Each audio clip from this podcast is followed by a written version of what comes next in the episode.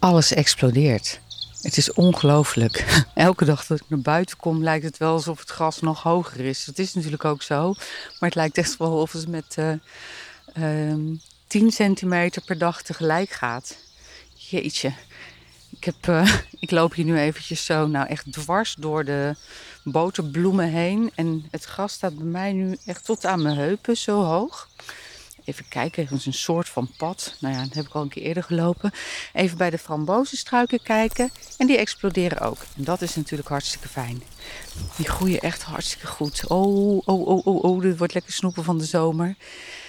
Ik zie wel dat het gras eromheen gewoon weer korter gemaakt moet worden. Anders krijgen ze niet voldoende licht. Maar dat ga ik denk ik van het weekend eventjes doen. Ik heb er nou niet zoveel tijd voor en ook eigenlijk niet zo'n zin in die bosmaaier om mijn nek heen hangen. En uh, nou, er is nou niet zoveel zin in.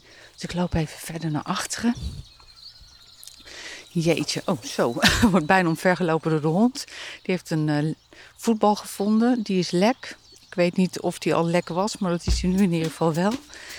Um, we hebben van het weekend een trampoline gekregen, een enorm ding. En die staat daar nu ergens helemaal achteraan. En het leuke is dat je hem bijna niet ziet, omdat het gras bijna net zo hoog is. Hij staat midden in het gras. Uh, maar je ziet wel zo'n grote zwarte cirkel. En dat is eigenlijk best wel gaaf. En dat is precies de plek waar ik eigenlijk ook straks heel graag zo'n uh, labyrint wil maken. Wat je kunt lopen, wat je in kunt lopen en weer uit kunt lopen.